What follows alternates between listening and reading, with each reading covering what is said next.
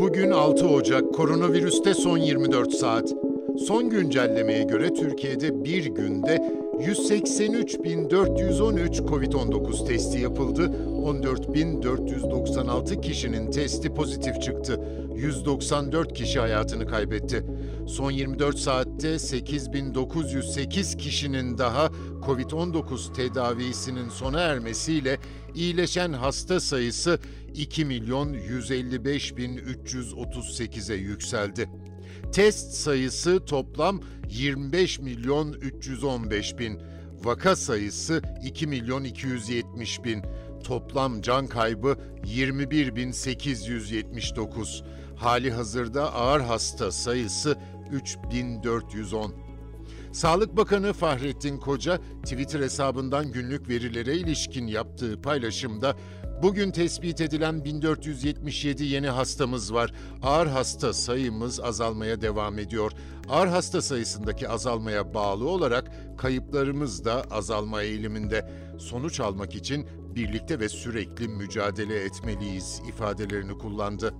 Bakan Koca bu arada Türkiye'nin aşı geliştirme çalışmaları hakkında yeni bilgiler verdi. Koca şu an 3 inaktif aşı adayımız düzenleyici kuruma insan deneyleri için izin müracaatı yapmış ve insan deneylerine başlayabilecek safhaya gelmiştir dedi.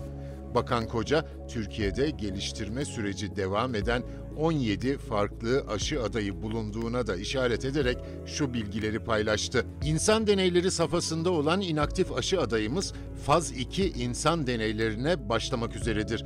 Bu aşı adayımız için Nisan ayında faz 3 insan deneyleri safhasına gelerek yaygın kullanımına yönelik hazırlıklar devam etmektedir. Bunun yanı sıra 3 inaktif aşı adayı faz 1 insan deneyleri aşamasındadır. Düzenleyici kurum insan deneyleri öncesi yapılan çalışmaları inceleyerek insan deneyleri için izin vermektedir. Şu an 3 inaktif aşı adayımız ilgili kuruma insan deneyleri için izin müracaatı yapmış ve insan deneylerine başlayabilecek safhaya gelmiştir. Bu sabah dünya Çin'in Dünya Sağlık Örgütü heyetini ülkeye sokmadığına dair haberlerle uyandı. Örgüt ve Çin yönetimi Wuhan'da koronavirüs salgınının kaynağının araştırılması konusunda anlaşmaya varmıştı ancak anlaşmanın olmadığı bir uzmanın ülkeye giremediğinin anlaşılması üzerine ortaya çıktı.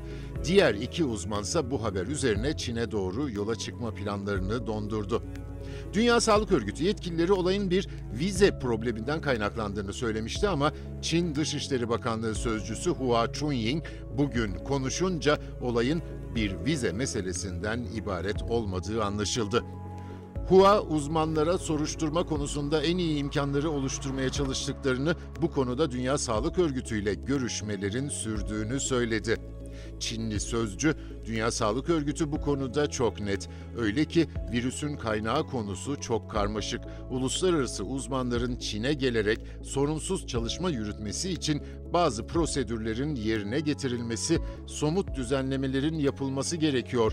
Tüm bunlara ilişkin iki taraf karşılıklı istişareler yürütüyor ifadesini kullandı. Dünyada bugüne dek COVID-19 teşhisi alanların sayısı 86 milyon 936 bin. Toplam ölüm 1 milyon 878 bin. Bugünlük bu kadar. Hoşçakalın.